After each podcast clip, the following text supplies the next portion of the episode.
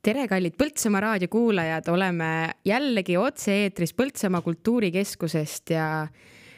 täna on siis viimane päev, neljas juuli ja meie raadionädal hakkab ka juba otsi kokku tõmbama ja olen, on aeg siis täna välja loosida meie viimase loosika võitja ja meie tänane küsimus oli siis, et millisesse asukohta Põltsamaal võiks püstitada Prisma kaupluse arutelus oli mitmeid variante ja üks variant oli ka see, nagu meile siin vastatud on, et äh, kultuurimaja keskuse ette siia Muru platsi peale. nagu see vist ei ole noh, kõige õigem vastus ta ei ole, sest et äh, kokkuvõttes leiti ikkagi, et meie uude sinna lossihoovi oleks see Prisma keskus kõige parem, aga ma ei, ma ise ei tea ka seda, kas ta nüüd just kõige parem oleks, aga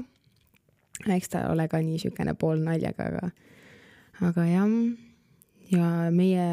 raadionädal tõesti on otsi kokku tõmbamas ja kuidagi nagu kahju on ka, sest et see nädal on olnud nii vahva ja nii tore. ja üldse need inimesed, kellega me siin koos oleme olnud, on super ja ma tõesti tahaks kõiki meie toimetuse liikmeid siinkohal tervitada ja öelda aitäh teile, sest et te olete tõesti olnud väga vinged kaaslased, et ja siinkohal tuleb ka ära mainida, et meil on väga-väga vahvad sponsorid ka, kelleks siis on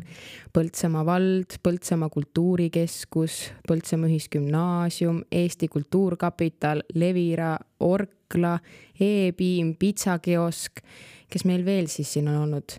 Karl Vilksi peame tänama kindlasti ja ka Reigo Tõnissoni, kes meid on oma tehnikaga siin aidanud, et ilma teieta me, ma kardan, et siin eetris võib-olla ei olekski. Ja kindlasti te võite meile veel rohkem kirjutada tagasisidet, et selle põhjal me siis valime, kas me ikka teeme seda asja edasi siin aasta lõpus või ei tee või noh, eks seda ole näha, et kuidas need asjad kujunema, kujunevad, aga, aga minu arust ei ole meile mitte keegi veel pilti saatnud, mis seal selles äh, Felixi pakis on, et palun, palun, kes te järgmisena võidate, palun saatke meile pilti, sest et me tahaks tõesti väga teada saada, mis seal sees on. see on ikka veel nii suur müsteerium, kuigi juba on nagu seitsmes päev lõppemas ja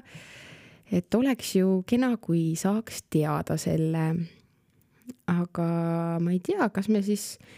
loosime tänase võitja välja, sest et ei ole siin mõtet seda pikka ja tühja loba ajada, et kõik tahavad kindlasti juba teada saada, kes see võitja on. nii et ma arvan, et trummipõrina saatel, nagu ikka. ja tänane võitja on Luule Moros palju-palju õnne ja me võtame ka võitjaga kohe ise ühendust ja kuulake ikka Põltsamaa raadiot ja kui kõike pole kuulda jõudnud, siis meil ka kodulehe peal järelkuulamine olemas ja, ja olge mõnusad siis ja ilusat suve jätku teile kõigile.